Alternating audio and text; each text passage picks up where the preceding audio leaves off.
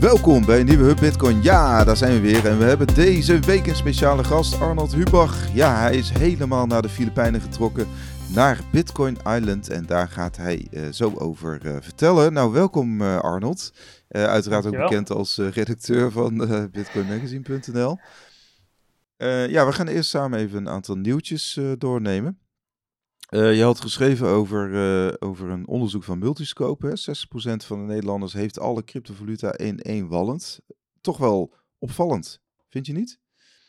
Ja, ja absoluut. Um, het is sowieso goed uh, om te beginnen. Het onderzoek is dus gedaan over Nederlanders. Uh, en gekeken naar mannen, vrouwen, wat mensen doen met backups, met bijvoorbeeld ja. je, je erfenis. En, en hoe alle mensen hun setup hebben bedacht. En dus inderdaad 60% heeft alles aan cryptovaluta in één wallet staan. In plaats van dat ze het verspreiden mhm. over meerdere plekken. Um, en dus ook 34% heeft geen backup gemaakt van die wallet. Dus als je dan dat, die ene wallet kwijtraakt, dan ben je dus gewoon alles kwijt. Uh, zonder je seeds die ja, best bizar. staan. Uh, ik vond het opvallend toch echt wel best wel hoog. ja. Ja, het gaat om multiscope. Ja, dat is al dat is een onderzoek. Uh, ja, goed. Zo, die, bestaan ook al heel lang. Tenminste, ik ken ze nog uit. Volgens mij zijn ze toen een beetje opgekomen in de internettijd. Uh, toen ik zelf bij e-merse werkte, toen bestonden ze ook al. En dat is toch al zeker twintig jaar geleden. Maar zij hebben ook de cryptovaluta monitor hebben zij ontwikkeld. En ze deden dus navraag onder ruim 4000 Nederlanders. Nou, opvallend hè, die backup. Dat dus uh, van die um, uh, 34% van die 4000 man heeft dus geen backup gemaakt van... Uh, oh nee, 34% heeft wel een backup gemaakt. En 66% dus niet. Ja, dus het gros niet. Ja. ja, en dat betekent dus als je bijvoorbeeld je geld gewoon op je Blue Wallet of op je Ledger hebt... en je raakt je mobiel kwijt of je uh, je ledger die uh, spoel je door in de wc, dan ben je dus je geld kwijt, je bitcoin. Uh, terwijl je dat wel kunt voorkomen. Ja, precies. En eigenlijk, hè, dat zegt iedere veiligheidsexpert ook met betrekking tot bitcoin. ja, je moet er, je moet er theoretisch gezien, gaan we er even van uit dat je er een, een nul achter zet, toch? En hoe, hoe zou je er dan mee omgaan? Ja, qua waarde, qua waarde van je geld. Hoe zou je er dan inderdaad mee omgaan? Want stel je hebt 1000 euro aan aan, aan Bitcoin. Nou ja, zet er een nul achter, dan is het ineens 10.000 euro uh, aan Bitcoin. Dus het is, ja, wat dat betreft, uh, nou, we hebben genoeg, uh, her, zowel op bitcoinfocus.nl als bitcoinmagazine.nl, genoeg artikelen die eigenlijk ook een goede handreiking geven hoe je het beste je seeds kan, kan bewaren ook. Dus... En dan zelfs nog, stel je hebt dat allemaal goed geregeld, dus je hebt je wallet goed beveiligd en een backup waar dan niemand bij kan en het is veilig, dan heb je nog steeds dat probleem van erfenissen. Uh, want daar kan dus nog steeds niemand erbij. Dus je, dat, dat onderzoek van Multiscope ging er ook over dat uh, eh, 44% mm van de mensen uh, aan niemand heeft verteld dat zij bitcoin hebben. Of dus dat die mensen daar geen toegang toe hebben. Dus zelfs als je je bitcoin goed hebt geregeld en je hebt die backup geregeld, dan ja, mm denk ook even aan je familie. Want als jij er niet meer bent, uh, dan is jouw bitcoin er ook niet meer. Of ze zijn er wel, maar niet meer toegankelijk. Ja, en de vraag is altijd hoe, hoe uh, kun je dat oplossen? Hè? Er zijn natuurlijk um, bedrijven inmiddels uh, die aan het ontstaan zijn, ook in Nederland, die jou kunnen helpen met het, in ieder geval het, het, het, het, maken van een setup voor, voor je seeds en ook voor je nalatenschap. Hè? En, en dus, eh, of hè, er zijn ook online allerlei tutorials natuurlijk om dat, uh, om dat te regelen. Maar uh, er zijn ook wat softwareprogramma's, hè? zoals Casa bijvoorbeeld, die doet dat. Die hebben dan een speciaal inheritance programma. Ja, je hebt verschillende multisig setups waarbij je dan het zo kunt inrichten dat dan een derde partij heeft een key en jouw mhm. familie en jijzelf bijvoorbeeld. Um, ik denk dat het ook een beetje aan per, situatie ligt wat goed werkt en hoe technisch onderlegd bijvoorbeeld je ouders zijn of, uh, of je kinderen, wie, wie, wie dan ook je de toegang wil geven. Maar um, ik, ik, zie ook dat uit het onderzoek blijkt dat 5% heeft het in het testament vastgelegd hoe het zit. Kijk, ja. zo kun je het ook oplossen. Maar ook gewoon dat um, ehm, 40%, ja, de familie weet wel dat ze cryptovaluta hebben, maar niet, die hebben dus niet de toegang. Uh, dus daar moet het wat dat betreft nog wel een paar stel stapjes gezet worden. Lijkt mij, tenzij je dit fijn vindt. Ja, het, het is ook best, vind ik, uh, best wel... Uh, het is een onderwerp waar je echt wel goed over moet nadenken... Voordat je eigenlijk tot, tot in de actie schiet. Want bijvoorbeeld, hè, 5% heeft het dan vastgelegd in, in een testament. Nou, de vraag is dan altijd van, hoe leg je het dan vast in een testament, hè? Want ja, het is natuurlijk niet logisch om bijvoorbeeld je seeds ja. in je testament op te nemen. Want dan, dan, is het, dan, dan is dat testament zeg maar weer voor het grijpen. Tenminste, dan moet je je testament ook weer uh, goed mhm. beveiligen. Ja, komt ja je moet sowieso langs de notaris, maar er komt dan inderdaad wel weer een extra risico bij. Um, dus je gaat dan snel wel richting de kant van multisigs op, maar dat wordt dus dan mhm. weer heel snel technisch. En dan kun je dus wel weer een, een partij die je net noemt, zo'n Casa of Noonchuk, of je kunt hem zelf opzetten met... Uh, denk Sparrow mhm. of Lily Wallet. Maar goed, dan maak, maak, je dus weer extra technisch voor degene die eigenlijk helemaal niet met Bitcoin bezig wil zijn. die nog in een uh, rouwproces of zo zitten. Of nou ja, die in ieder geval niet zo veel met Bitcoin bezig waren als jij. Nee, precies. Nou, ik denk ook bijvoorbeeld toch aan een partij als uh, Snip hè, van, uh, van Marnix. Uh, is ook een bedrijfje die, die in ieder geval daarbij kan helpen. Het is wel zo, ja, ja, voor wat het waard is, er zijn uh, er zijn nog, uh, hoe zou ik het zeggen? Er is nog geen register van, uh, van Bitcoin bedrijven hè, die helemaal gecertificeerd en, en, en licenties hebben. Om, dus dat bestaat eigenlijk nog niet. Hè? Dus je moet, ja, je moet wel er een derde partij kunnen vertrouwen. Je hebt bijvoorbeeld wel bijvoorbeeld een Amdax, hè, dat, dat is meer een custodian. Dus dat, dat, dat, dat, daar kun je dan je Bitcoin naartoe sturen. En zij uh, zeggen in ieder geval dat ze dat dan in cold storage uh, bewaren. Zij zijn geregistreerd bij de DNB. Maar ja, ook zo'n DNB-registratie uh, kijkt eigenlijk alleen naar: is dat geld, is het herkomst van het geld, noem je dat, niet zwart? Is het niet wit gewassen wat je, wat je daar naartoe stuurt? En verder gaat het ook niet. Ja. Ja, ik, eh, volgens mij staat er vrij weinig over uh, full reserve uh, mm. dekkingen. daar gaat de DNB niet per se nee, over. dat is allemaal nog vrij beperkt hoor, dat toezicht. Dus ja, kijk, en dat hangt inderdaad af van je eigen technische know-how. en ook denk ik toch wel gewoon, ik kan me voorstellen dat, ja, ook, ook de hoeveelheid bitcoin. Dat, dat, dat speelt natuurlijk ook wel een rol. Ik kan me best voorstellen dat je, dat je bijvoorbeeld kleine hoeveelheden bitcoin, dat je dat best in eigen beheer, daar kun je hè, online allerlei tutorials voor vinden.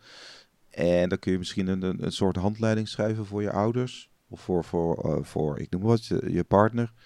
Ja. En dan, ja, dan kun je dat best wel in eigen beheer opzetten. Uh, maar ja. ja. Ja, je hebt nu ook wel van die uh, Xiaomi en Cash wallets. Dan kun je dus een soort van community custodial mhm. eh, oplossing doen. Um, dus eigenlijk is het echt nog gloednieuw. Dus er zijn ook maar twee of drie wallets voor die er nu aan werken. En ook met Fedimint en zo. Dus misschien is dat wel de toekomst. Dus dat je gewoon met je familie een uh, één private key hebt. En daar dus de gedeelde custody over hebt. Oké. Ehm, maar ja, dan ga je wel weer een hele andere kant op. In plaats van echt cold storage. Ja, want uh, inderdaad, heb je daar al ervaring mee met deze vorm? Of is dat echt uh, heel nieuw? Nee. Nee, nee ik, ik weet dat er, dat er wat, aan wat wallets worden gewerkt, maar nog niet meer gespeeld. Oké, interessant. Nou ja, goed. Uh, grotendeels, de gemiddelde Nederlander vertrouwt toch ook wel, toch wel het nodige toe hè, aan, aan custodian. Hè, of dat nou een beurs of een broker of echt een, een, een specialistische custodian is. Uh, en uh, laten we even een bruggetje maken naar Bitfavo. Dat is natuurlijk uh, ja, een beurs, hè, Nederlandse beurs, de grootste Bitcoin-beurs van, van Nederland. En um, zij hebben een nieuwe update de wereld ingestuurd. afgelopen vrijdag was dat volgens mij. De oplossing tussen Bitfavo en de Digital Currency Group is dichterbij. Ja, het verhaal is natuurlijk 280 miljoen euro heeft Bitfavo uitgeleend aan Genesis. Dat is de dochter van Digital Currency Group. Nou, Genesis zit in de Chapter 11 uh, eh, procedure. En uh, nu begrijp ik van Bitfavo dat zij, ja, zij zijn eigenlijk continu in onderhandeling met het moederbedrijf, Digital Currency Group. En nu is het zo dat het voorstel wat zij nu hebben ontvangen betekent concreet dat we binnen een acceptabele termijn het gros van onze uitstaande tegoeden terugkrijgen. Nou, hè, er was e het, het, eerdere aanbod was 70%, hè, dat was ongeveer 196 euro, een miljoen euro zouden ze terugkrijgen. Nou, blijkbaar is, is daar een beter voorstel uitgerold. En ik denk, ja. Dat lijkt mij wel. Ja, maar toen, toen het om die 70% ging, toen was dus Chapter 11 volgens mij nog niet ingediend. Dus dat is nu wel. Ja. Uh, dus daar is wel iets in veranderd. Uh, maar of dat dus het percentage ook gaat veranderen, dat weet ik niet.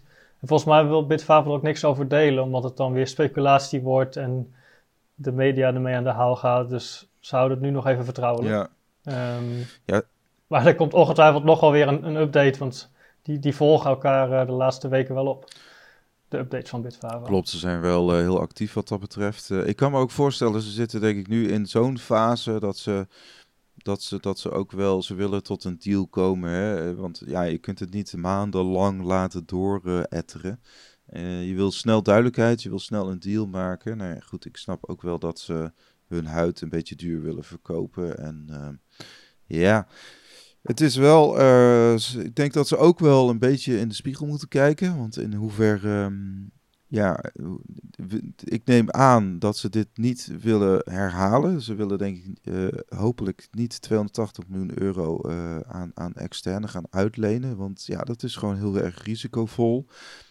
Ze hebben zelf denk ik... Is wel gebleken. Ja, en ze hebben zelf natuurlijk ook wel toch een paar bokkensprongen moeten maken om, om het weer te lijmen. Hè? Want uh, onder andere het, eh, het, uh, het terugstorten van al eerder uitgekeerd dividend. Hè? Dus ze hadden zichzelf ook winsten uitgekeerd, dividend. Zoals dat heet. ja, dat moest dan weer terug naar de bedrijfskas. Dus ja, dat zijn toch wel. Ja, ik kan me voorstellen dat je dat eigenlijk niet wil doen. Omdat dat. ja, dat dat, uh, dat, dat, dat ziet er niet goed uit. Ja, je, kun, je kunt. Nee, je kunt nu heel, je kunt je poot stijf houden van ik wil meer hebben. Maar er zijn nog veel meer schuldeisers. Uh, of nou Gemini is. Maar ik kan me voorstellen dat er ook nog wel meer zijn. Minder grote partijen die, waarvan we de namen niet weten. In die in dezelfde situatie zitten. Ja, iedereen vecht voor zijn eigen deel. En als het er niet is, ja, waar komt het dan vandaan? Of het moederbedrijf Digital Currency Group. Of je moet je pakt het van iemand anders af. Mhm.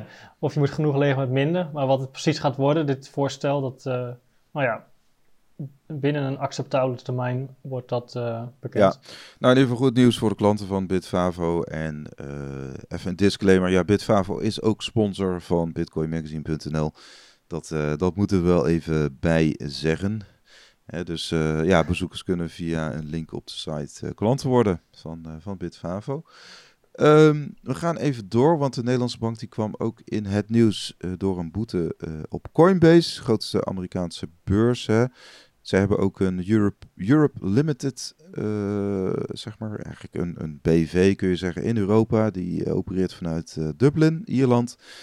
En vanuit daar ja, kunnen ze gewoon hun producten aanbieden in Europa. Maar ze hebben 3,3 miljoen euro boete gekregen omdat ze eigenlijk crypto's hebben aangeboden, terwijl ze nog niet geregistreerd waren bij de Nederlandse bank. Ja, ja toch een behoorlijk bedrag, hoe dan ook. Absoluut. En maar als je het vergelijkt met de kosten die de Nederlandse bedrijven moeten maken mm -hmm. om überhaupt zo'n registratie te krijgen. Um, of het dan in proportie is, dat, dat weet ik allemaal niet. Maar wat wel opvallend is als je mij vraagt, is dat ze dus een boete krijgen voor het. Nu, inmiddels is Coinbase, als ik het goed heb, wel geregistreerd bij de DME sinds uh, eind 2022.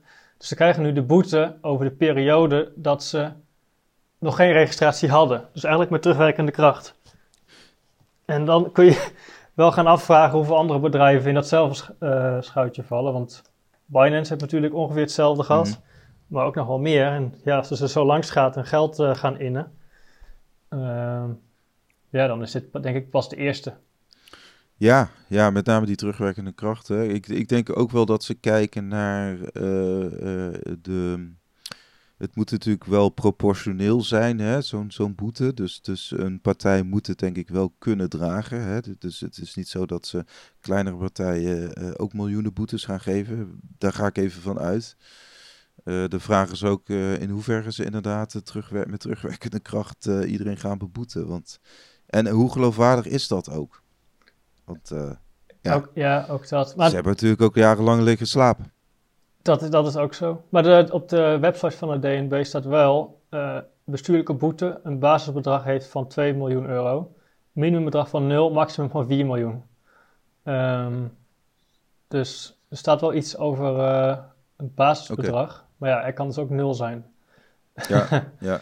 en dan het basisbedrag is verhoogd vanwege de ernst en de verwijtbaarheid. Hm.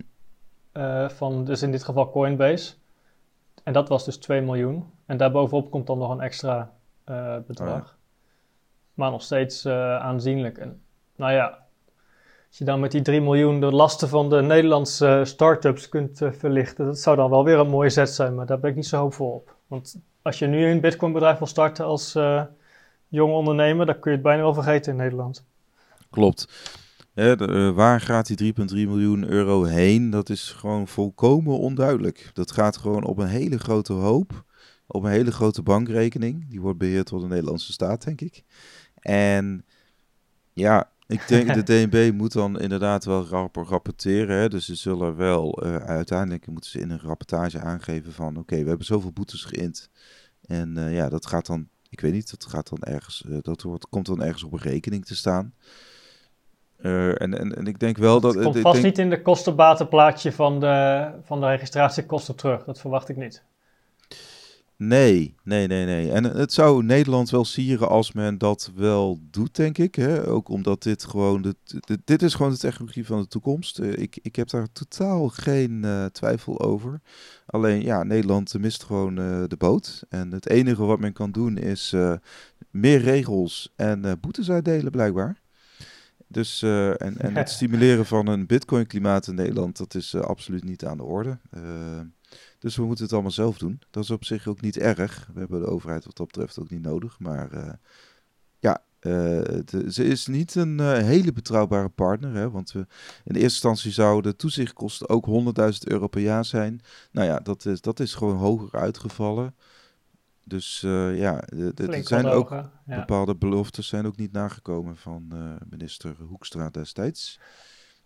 Dus Wat ja, dan wel fijn is, is dat stel je bent zo'n Nederlands Bitcoin bedrijf, dat je in ieder geval wel weet dat de giganten uit, nou in dit geval Amerika, niet zo makkelijk weer de Nederlandse markt opkomen. Of in ieder geval zich gaan uh, heroverwegen of ze dat wel willen op deze manier zonder registratie. Nou, Coinbase heeft er nu één, maar ik kan me ook voorstellen dat er nog wel meer bedrijven zijn die dan nu de Nederlandse markt even uh, vermijden. Wat dan weer goed is voor de, de, bedrijven die wel een registratie hebben.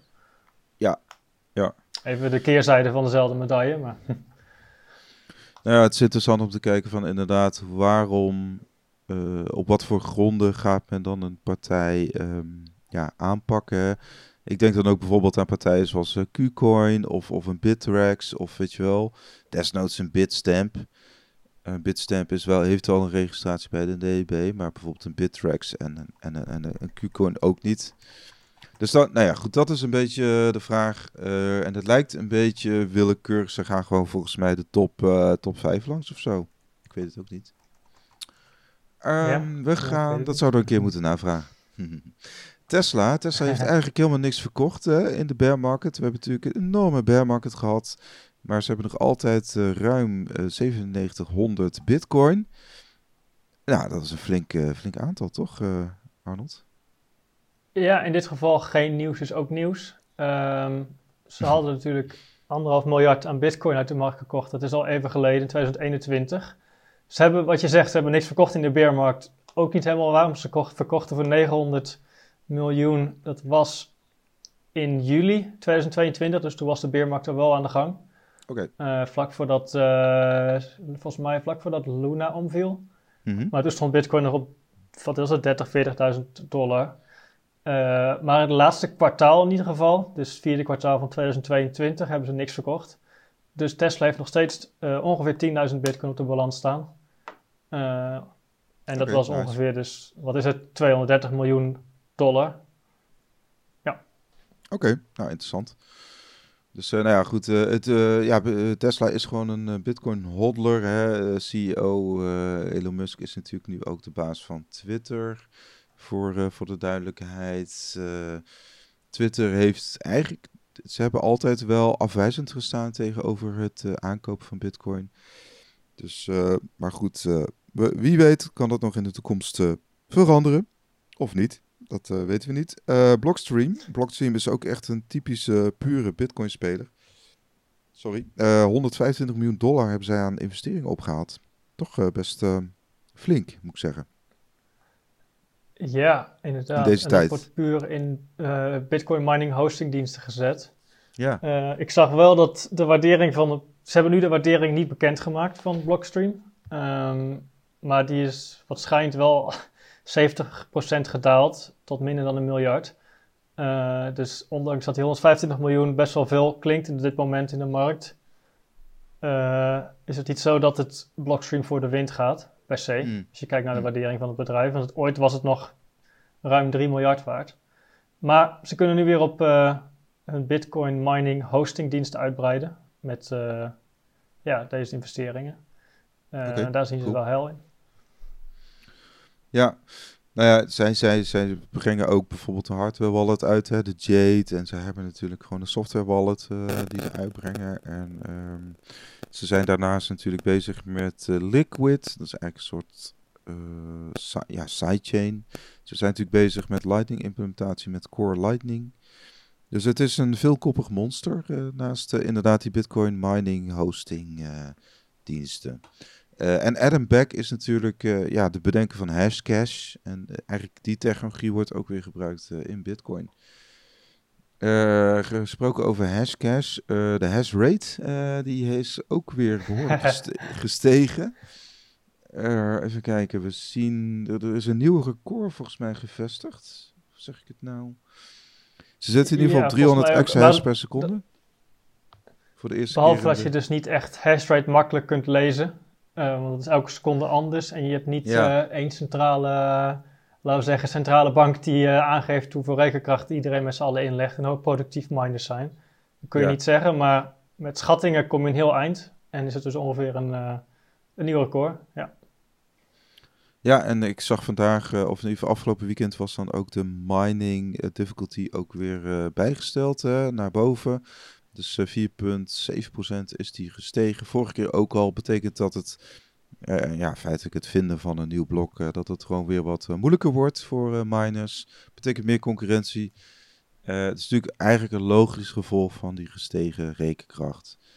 En de, dit is eigenlijk een wapenwedloop hè, tussen miners. Dus die wedijveren over die 6,25 uh, bitcoin per blok.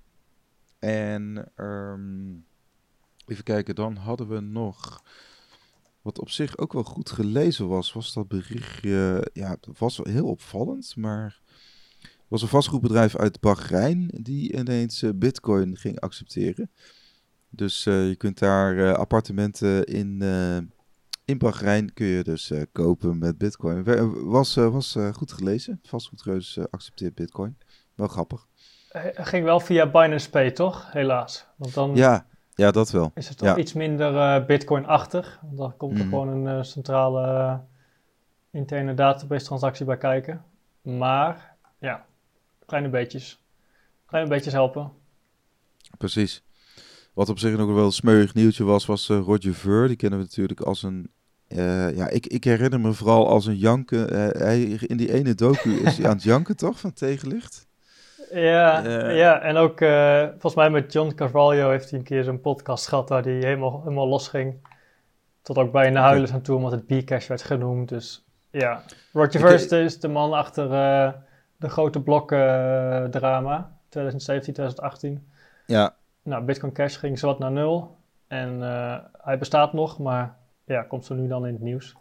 Zo nu ja, ik heb hem ook een paar keer ontmoet, een paar keer geïnterviewd inderdaad. En ja, gewoon in het dagelijks, zo in de uh, omgang is hij heel aardig. Maar het is inderdaad, um, zolang, zodra hij de, de, de, zeg maar de, de, de indruk hebt dat je niet in zijn kamp zit, dan, dan is hij een stuk minder aardig, denk ik. Ja. Dus, uh, en dan het nieuws van nu is dat hij dus nog een enorme schuld moet afbetalen aan Genesis. Ja. 21 miljoen. Maar dat hij dat Ja. weigert. Dat is dus eigenlijk een hele lange aanloop naar wat uh, met Roger Ver in de hand is. Ja, en hoe dat dan inderdaad... Hij heeft blijkbaar ook weer van Genesis geleend of zo. 21 miljoen dollar, alsof het niets is. En uh, nou ja, goed, hij is nu... Uh, hij hoopt dus eigenlijk uh, verschoond te blijven van zijn plicht hè, om, om dat terug te betalen. Ja, opmerkelijk om, om zo in het nieuws te komen. Maar goed, ieder zijn, ieder zijn ding. Ja, hij vindt, hij vindt dus dat, dat uh, Genesis, om even af te maken, hij vindt dat Genesis niet kan, van klanten kan eisen om geld te betalen. Als ze zelf niet solvabel zijn om hun klanten weer te betalen. dus ja, een beetje een modder gooien over wie je schulden, schulden eist er en wie dient te betalen. En ja. Ja, precies. Een beetje een soap. ja, inderdaad. Hey, laten we de overstap maken naar Bitcoin Island. En um, ja, Bitcoin Island is een, een eilandje bij de Filipijnen, of onderdeel van de Filipijnen, Boro, Boracay. Mm -hmm. En uh, ja, wat was voor jou eigenlijk, de, want je bent daar vorig jaar geweest, wat is voor jou de aanleiding geweest, Arnold, om daar heen te gaan? Ja, ja dus inderdaad, uh, Bitcoin Island is een soort van circulaire Bitcoin-economie in de Filipijnen. En ik was al in Azië, uh, Digital Nomad, ik was volgens mij in Thailand. Ik zag uh, op Twitter voorbij komen dat mm -hmm. er een plek ergens in de Filipijnen was waar al 250 winkeliers met Bitcoin, uh, Bitcoin betalingen accepteerden. En nou ja, gezien ik mm -hmm. ook in El Salvador en op andere Bitcoin plekken ben geweest, dacht ik, laten we eens een kijkje nemen en toffe verhalen gaan schrijven. Uh, dus voor Bitcoin Focus en ook een documentaire. En uh, toen ben ik daar in december een paar weken geweest om ja, op Bitcoin te leven en Bitcoiners te spreken en kijken hoe dat initiatief daar ging. Ja, ja, want kun je ons, uh, hè, want je bent daar, eigenlijk heb je alles geschoten met, uh, met een iPhone en volgens mij een aantal microfoons. Ja. Dus het is echt wel uh, bewonderenswaardig, low budget. En, um, en, en, en, en, en je hebt je mooie beelden geschoten, mooie, mooie interviews gedaan. En kun je, kun je ons een beetje meenemen hoe het, wat, wat, wat, wat, wat, wat, wat voor soort eiland is het? Hoe groot is het ongeveer? En hoe ver is het ongeveer van Nederland vliegen? Ja, uh, dat laatste vraag. Nou, het is dus Filipijnen. Dat is denk ik, als je een tussenstop hebt ergens in, uh, in het Midden-Oosten, dan kost het je 17, 18 uur om in de Filipijnen te zijn, in Manila. Dat is de hoofdstad. En dan vanaf Manila moet je nog ja. een vlucht pakken naar um, een ander eiland. Dan kom je al op een soort van veel te korte landingsbaan aan. En dan ben je dus in de buurt van Boracay. Dan moet je daar nog een bootje pakken. En dan kom je aan op dus het Bitcoin Island. Uh, super toeristisch. Um, okay. Dus het is denk ik wel een van de bekendste plekken van de Filipijnen. En volgens mij is het de grootte van ongeveer de helft van Vlieland. Uh, 10 vierkante kilometer, dus best wel klein. Als je van noord naar zuid gaat, dan ben je met een half uurtje oh, bij het hele eiland over. En van uh, oost naar west kost het je, nou ja, vijf minuten. Um, dus best wel klein, vol met resorts, witte, palm, mm. of, uh, witte stranden, palmbomen, helder blauw water. En dus heel veel bitcoin. En dus inderdaad ja. daar een uh, documentaire nou geschoten. Ja, het... Om even rond te maken met uh, waarin ik met zowel de initiatiefnemers in gesprek ga, dat is Pouch.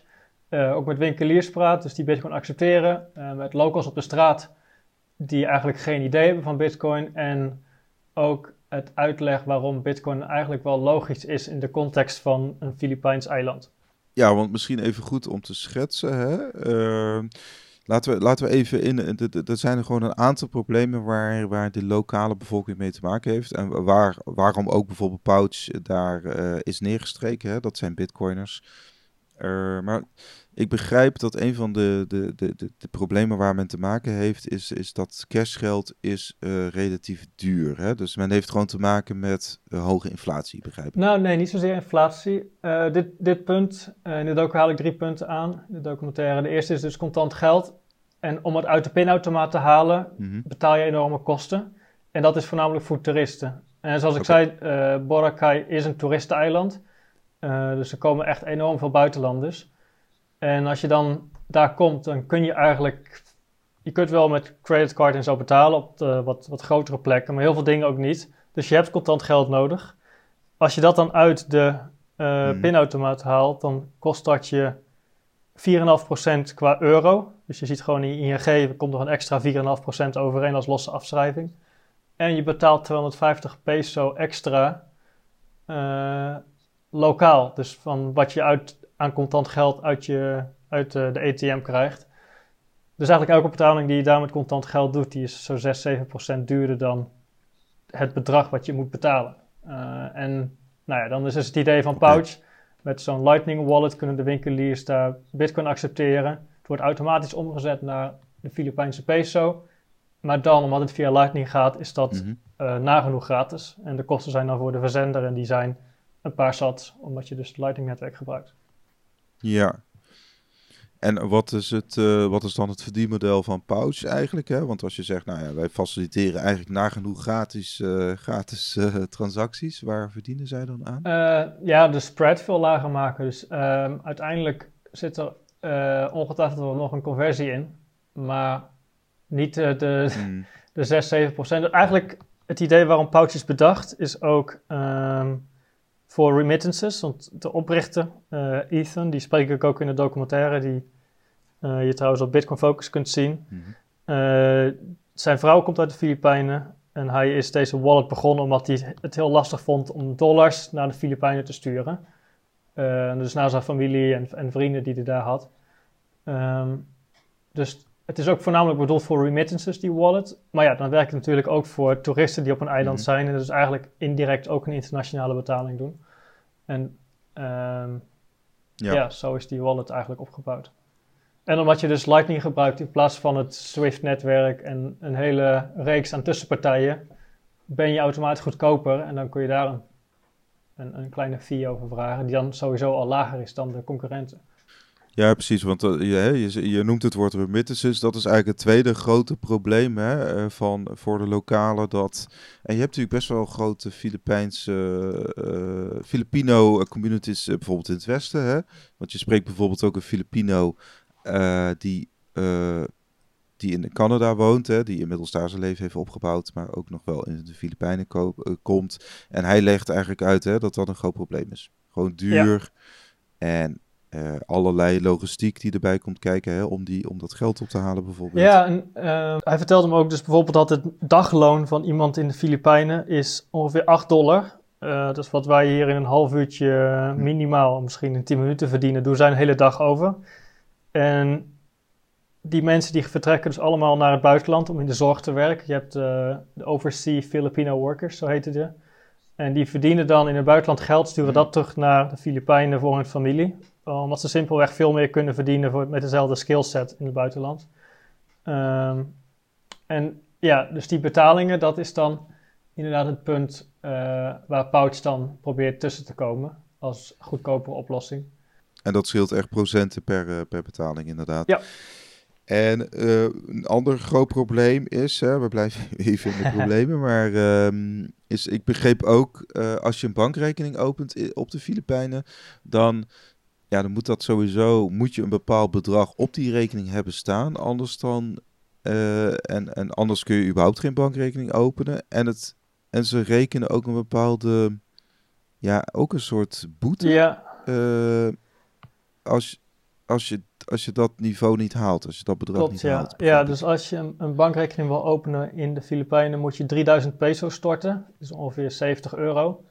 Uh, Heb je dat dus niet aan spaargeld, die 70 euro, dan kun je al geen bankrekening krijgen. Dus uh, dat is het eerste. Voor de arme mensen is een bankrekening gewoon buiten bereik. Dus die doen het met contant geld.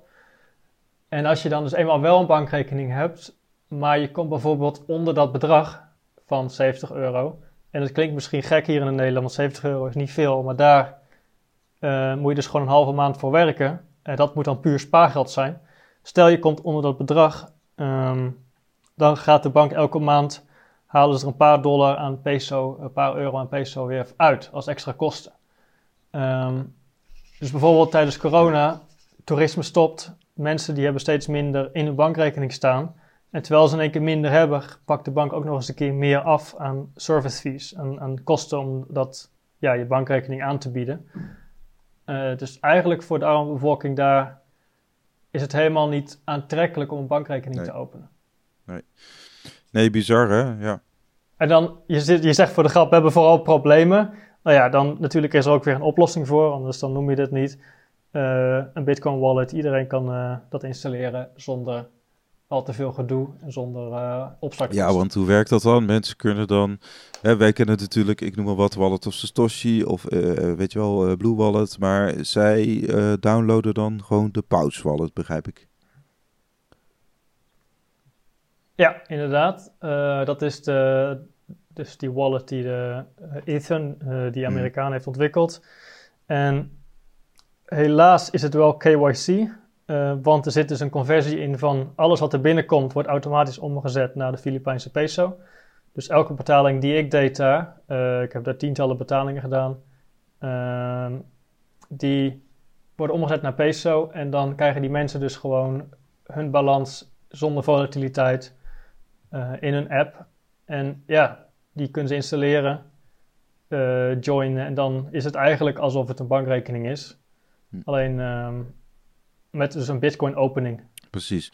Nou, zoals je het schetst, hè, zijn er gewoon heel veel problemen op, op het eiland. Eigenlijk de traditionele financiële industrie, ja, die werpt heel veel drempels op. Hè. Dus het, het, zeg maar, terwijl geld, geld wat men verdiend heeft met arbeid, ja, dat is eigenlijk hun eigen geld, maar ja, er wordt steeds gewoon kleine deeltjes continu van afgesnoept. En waardoor ze dus een veel lager besteedbaar inkomen hebben. En eigenlijk is dat een ideale voedingsbodem voor Bitcoin, zou je zeggen, toch? Nou ja, alles waarin Bitcoin efficiënter is dan wat er bestaat, is er een kans om te slagen. Dus of het nou is van je kunt meer mensen aan de bankrekening krijgen, dus dat is net zo'n beetje zoals El Salvador.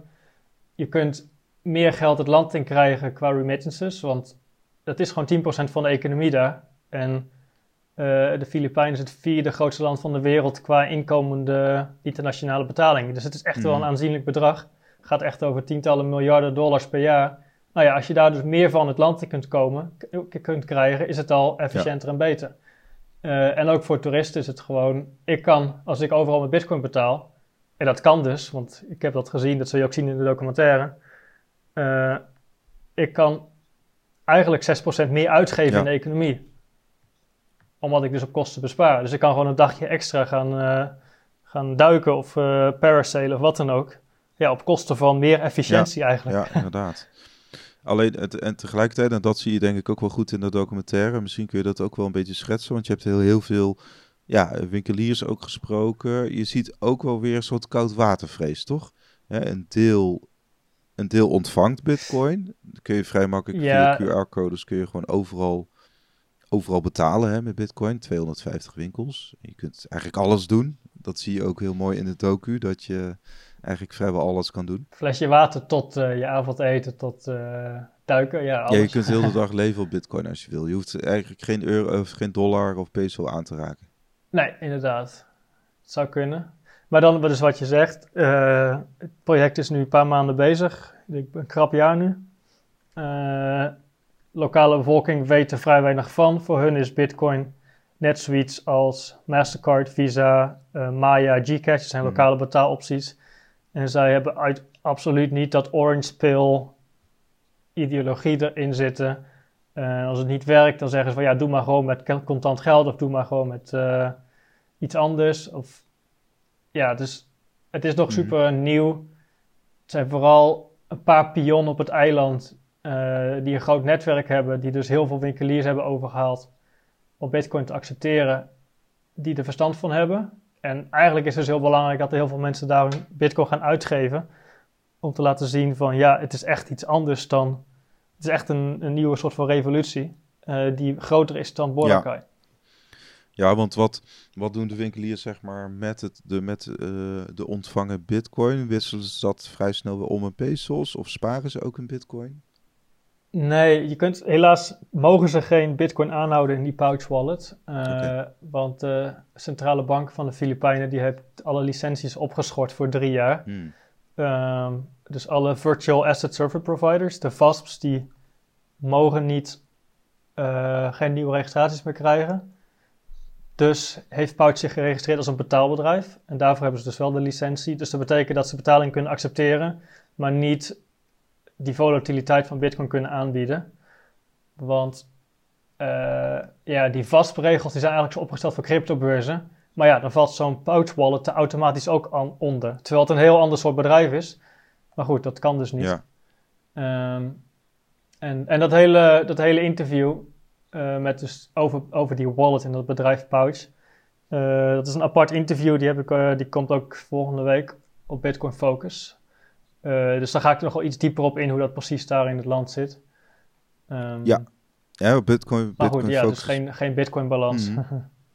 Oké, dus op bitcoinfocus.nl, hè, daar eh, komt dus eh, de, document, de volledige documentaire komt daar online te staan. En we hebben een vijfdelige artikelserie over de Filipijnen helemaal de komende weken. Elke dinsdag komt dat op bitcoinfocus.nl.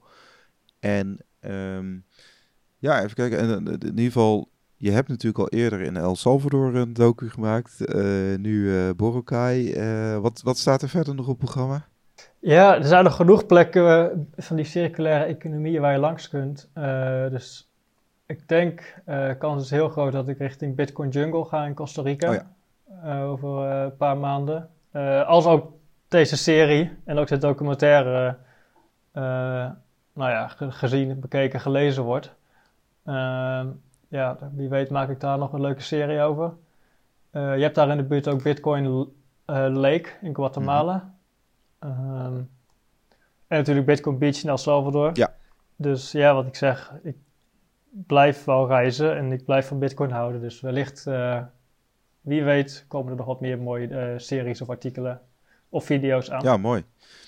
En eh, nou, inderdaad nog een paar vragen, want ik wilde inderdaad ook weten... want Ze zijn eigenlijk gebaat, hè, dit soort communities, bij bitcoiners die daar naartoe gaan. Hè? Want die, uiteindelijk geven die hun satoshis uit.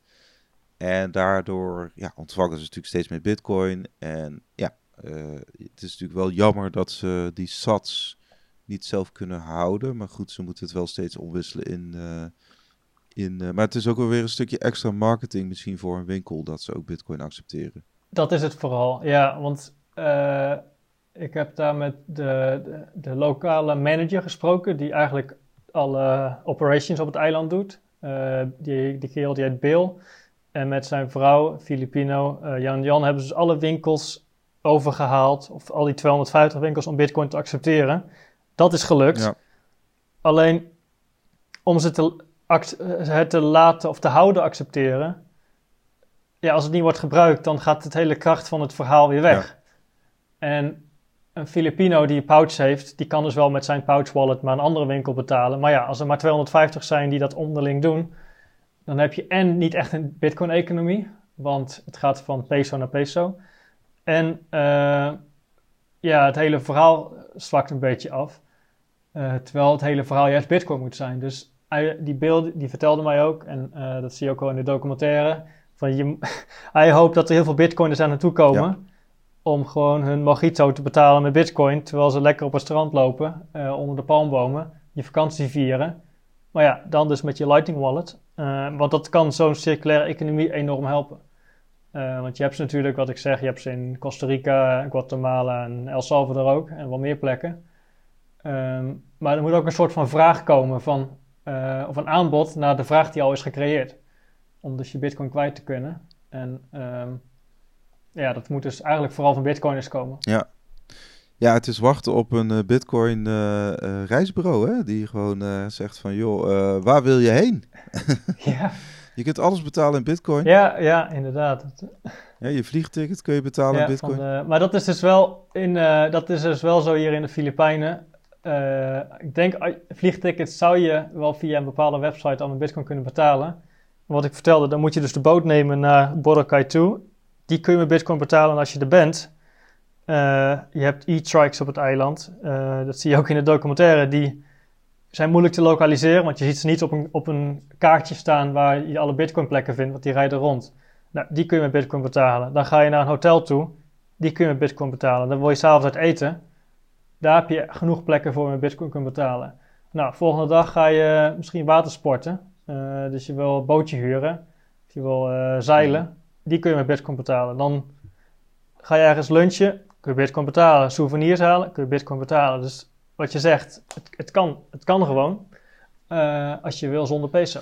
Precies, en koffie ook, hè. Er komt ook een mooi koffietentje komt aan bod. En eh, dus eigenlijk eh, alle, ba- alle basisbehoeften Ja. van een mens eh, kun, je, kun je met Bitcoin afrekenen. Dat gaat allemaal heel makkelijk, hè. Zeker, Gewoon ja. QR-code tegen de lokale wisselkoers en, en gaan met die banaan.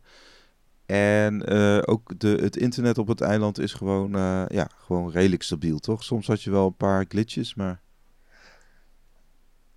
Ja, ik uh, ben er drie weken geweest. Heb ook gewoon mijn werk gedaan. Dus bijvoorbeeld Bitcoin Focus artikelen en zo alles geschreven. Dat kan prima. Alleen soms op bepaalde plekken, op het, als je op het strand loopt, dan ben je net... Ja, het internet werkt, maar niet goed voor videocalls. En soms als je dan een, een, een, pagina moet laden om die uh, Lightning invoice te betalen, dan duurt het maar 30 seconden. Uh, en als mensen dan contant geld gewend zijn, ja, dat is met twee seconden klaar, want je geeft het en je, je bent weg. Uh, maar bereik is goed genoeg om het in ieder geval niet links te laten liggen. Ja, ja, nou, uh, het, is, het was weer een groot avontuur, uh, Arnold. En het is echt een heel mooi resultaat geworden. De documentaire in circa 30 minuten heb je volgens mij wel echt de essentie te pakken van wat, wat je allemaal op Bitcoin Island kan doen ermee met Bitcoin. En, en hoe dat daar met adoptie, ja, hoe dat daar geadopteerd wordt. Dus complimenten daarvoor. Ja, het is allemaal terug ja. te kijken op bitcoinfocus.nl. En ook uh, ja, lees de komende tijd uh, artikelen uh, op bitcoinfocus.nl over deze ja, over dit avontuur. En daar gaat Arnold gewoon de verschillende facetten, zeg maar, die we nu ook even kort besproken hebben, gaat hij ook langs. Ja, eigenlijk deel 1, mijn ervaring. Ik neem je gewoon mee op reis. Deel 2, dus het interview met de wallet en het bedrijf. In deel 3 ga ik in gesprek met de winkeliers die mij vertellen hoe het daar is met betalingen in het algemeen en met bitcoin. In deel 4 is een soort van handleiding. Stel je wil erheen. Hoe kan ik met Bitcoin only betalen? Dus welke plekken en welke mensen en contacten moet ik weten? En dan deel 5 is nog een vergelijking met El Salvador, waar ik ook ben geweest, met Bitcoin Beach. Uh, elke dinsdag met een uh, premium uh, abonnement of ja, losse Lightning afnames. En dus de documentaire die al uh, sinds vandaag online staat. Inderdaad, voor 14,95 ben je abonnee. En uh, dat is gewoon maandelijks opzegbaar. Dus je kunt altijd gewoon een maandje even proberen. En we hebben zelfs een tijdelijke actie toch? Dat je gewoon de, de eerste maand voor 1 euro kan proberen. En wat was ook alweer daar de kortingscode van? Volgens mij welkom bij Focus. Welkom bij Focus, ja. klopt. Oké. Ja. nee, dus uh, voor 1 euro per maand ben je, dan, uh, ben je dan abonnee. En dan kun je al die mooie content gewoon lekker lezen. Dus uh, en ga voor het laatste nieuws naar bitcoinmagazine.nl. En volg ons op alle socials, net zoals deze, deze podcast. Bitcoin die is gewoon op alle socials en stream, streamingdiensten te beluisteren. Dus ik zou zeggen, dankjewel en tot de volgende keer. Yes, bedankt en tot ziens.